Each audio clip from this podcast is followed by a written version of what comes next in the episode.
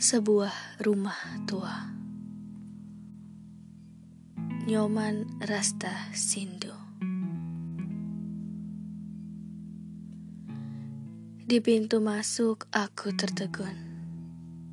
Dengan tiba-tiba aku seperti dicekam oleh rasa sepi yang dalam. Bercampur dengan rasa sedih dan haru. Pulanglah Rumah itu sudah terlalu tua dan sepi. Tidak ada penghuninya lagi kecuali aku seorang diri. Aku pun sudah tua pula, seperti juga rumah itu. Oleh karena itu, pulanglah kau. Aku sudah terlalu ingin rumah tua dan besar itu diramaikan oleh cucu-cucuku yang manis-manis itu. Ya, anak-anakmu yang selalu hidup dalam mimpi-mimpiku menjelang fajar. Berilah aku seribu radio untuk meramaikan rumah tua itu. Tidak akan ada gunanya bagiku, kecuali cucu-cucuku itu. Cucu-cucuku itu. Tidak ada yang lain yang bisa mengobati kesepian kali ini kesepianku menjelang kematian, kesepian yang paling abadi. Tulisnya. Dan kini terbayang air mata tua ayahku yang meleleh di pipinya yang tua dan keriput. Sebuah muka yang lonjong dan tampan. Ya, aku bisa memastikan dari rautnya yang sudah keriput dan tua itu. Dulu-dulunya, Muka itu adalah tampan dan menyenangkan. Kumis yang rapi dan ujung daster yang kenyang dan lempang. Tapi kini kumis dan jenggot itu sudah memutih. Apabila istrimu tidak bersedia mengikuti kepulanganmu, pujuklah ia berulang kali. Tapi jangan engkau marahi apabila ia tidak mau. Engkau tidak boleh terlalu banyak memarahi istrimu. Kehendak seorang istri harus diikuti dengan kebijaksanaan. Tapi berusahalah anakku agar ia bersedia kau ajak pulang. Aku sudah terlalu rindu pada cucu-cucuku dan aku sudah terlalu rindu pada pelayanan menantuku. Aku sudah tua dan tidak berguna lagi anakku. Pulanglah. Pulang. Setiap kali kata itu menyentuh ujung hatiku, setiap kali itu pula bermacam-macam perasaan bercampur baur dalam hatiku. Aku jadi ingat pada istriku yang kutinggalkan di kota. Berapa kali persediaan beras yang ketika ku tinggal pulang tinggal sedikit lagi. Esok pagi sudah habis dan terbayang di mataku. Istriku sedang mengumpulkan kertas-kertas bekas untuk dijual, dijadikan satu keranjang dengan kaleng-kaleng bekas dan botol-botol kosong. Atau boleh jadi esok pagi, ia akan menyusuri jalan-jalan di kota yang berdebu untuk sekedar memperoleh pinjaman barang 100-200 perak. Kemudian, anak-anakku seperti bermunculan di mataku. Manis-manis, akan tetapi hampir keempatnya kurus-kurus. Kenapa anak-anak yang semanis itu mesti dilahirkan oleh rahim yang melarat? Itulah pertanyaan-pertanyaan yang sering terbetik di ujung hulu hatiku. Bila saja aku sedang memperhatikan atau sedang bermain-main dengan anak-anakku, sungguh aku tidak terlalu melebih-lebihkannya. Ke mana pun aku pergi, anak-anakku selalu mendapat pujian orang-orang. Aduh, gantengnya. Aduh, manisnya. Mereka memuji anak-anakku, dan setiap kali aku mendengar puji-pujian itu, setiap kali itu pula hatiku seperti dikupas oleh rasa sayang dan sayang sekali. Ia anak-anakku dilahirkan oleh rahim yang melarat. Akan tetapi, barangkali sudah takdirnya, walaupun mereka dilahirkan di rumah sakit yang paling kotor dan bau, dan sejak bayi belum pernah merasakan bagaimana rasanya susu SGM atau Camelpo atau Mary Regal. Tahu mereka bisa tumbuh sebagai anak-anak yang manis-manis dan ganteng. Walaupun tubuhnya sedikit kurusan.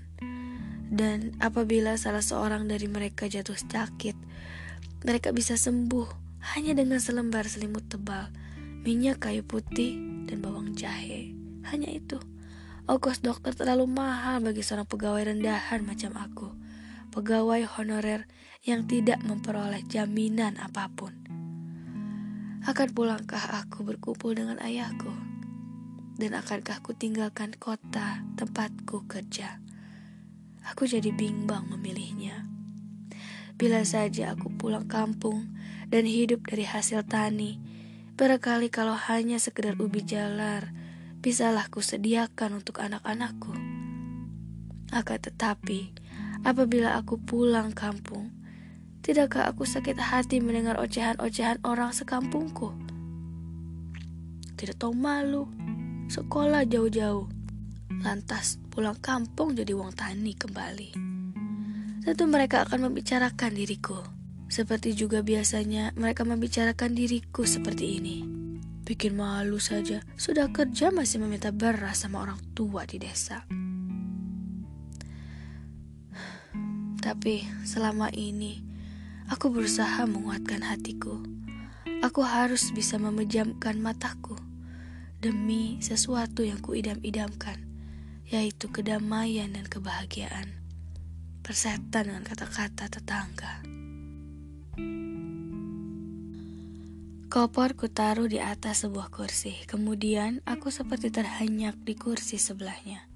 Kakiku terasa penat setelah naik turun jurang dari pemberhentian bus terakhir sebelum mencapai desaku yang jauh terpencil di pegunungan ini. Semuanya sepi, bisikku dalam hati. Kemudian sambungku dalam hati pula. Barangkali semuanya di Tegalan, juga tetangga itu. Mataku melayang ke rumah-rumah penduduk di sebelah timur jalan, dan kemudian mataku yang kelihatan melayapi punggungan-punggungan jurang di sebelah selatan desa. Kabut-kabut tipis melayapi pucuk-pucuk pohon dadap yang banyak pertumbuhan di tegalan-tegalan yang meluas di punggungan-punggungan. Batang-batang kopi yang bertumbukan di tepian desa tampak sedang mengembangkan bunganya yang memutih. Kembali aku ingat pada ayahku. Barangkali senja ini ia sedang mencabuti rumput-rumput yang bertumbuhan di bawah batang-batang cengkeh yang dipeliharanya seperti memelihara anaknya sendiri. Ya, beliau adalah seorang petani tulen, bisikku dalam hati. Kemudian mataku melayang ke arah potretnya yang tergantung di dinding, berdampingan dengan potret ibuku almarhum. Dan yang duduk di kursi di depannya adalah potretku sendiri waktu baru berumur lima tahun, hitam dan kurus. Memakai topi bludru, aku ingat warnanya biru kehitaman. Potret-potret lainnya bergantungan dikerubuti oleh sarang laba-laba jelaga yang hitam dan kotor. Potret Bung Karno dengan Ibu Fatmawati, serta Guntur dan Sukma. Kacanya sudah retak, akan tetapi digantung juga oleh ayahku, miring dan kotor. Kalender-kalender tua dan gambar Pancasila bergantungan tidak teratur. Inilah semuanya. Inilah bisikku berulang kali. Kaca-kaca yang kotor, berdebu, dan ada beberapa yang sudah retak. Cat-cat kusen yang sudah terkelupas, lantai yang berlubang-lubang. Angin pegunungan tertiup lembut dan matahari senja menembus kaca-kaca jendela rumahku yang buram.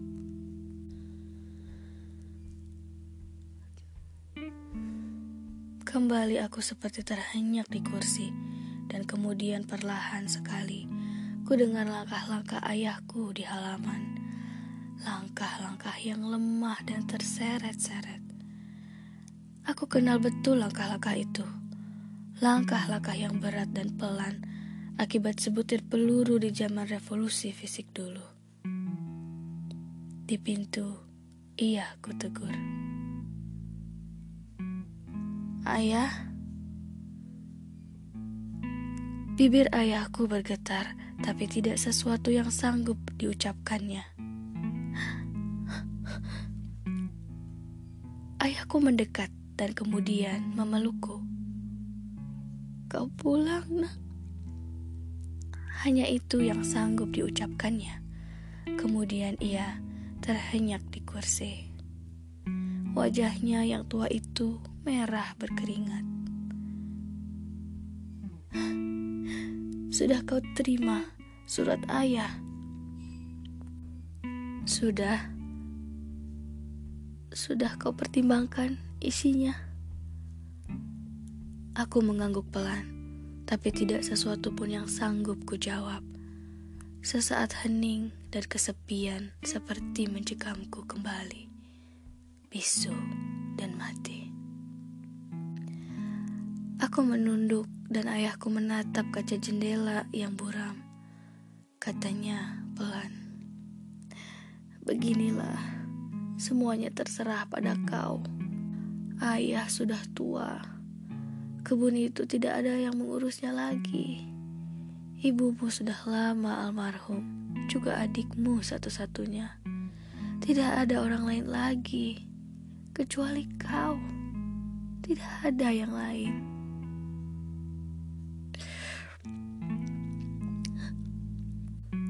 Ayahku menunduk menahan air matanya dan hatiku betul-betul teriris kini.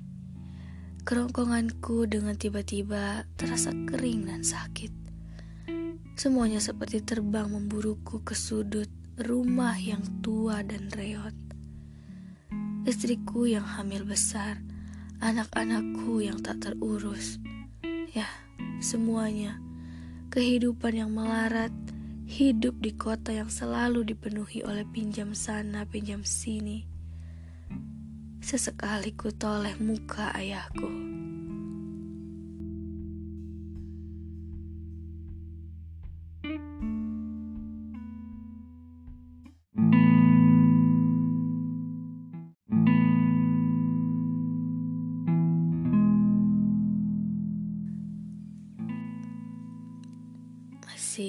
Kupertimbangkan ayah, kataku pelan dan serak dan ayahku masih terdiam juga.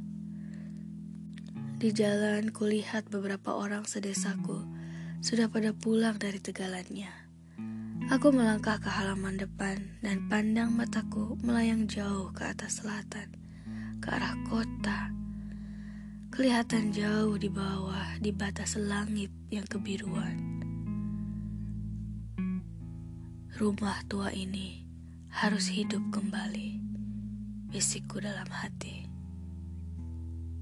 Kemudian aku melangkah kembali ke dalam rumah dan langsung kuutarakan di hadapan ayahku tentang rencanaku akan pulang kembali ke desa untuk mengurus kebun-kebun itu.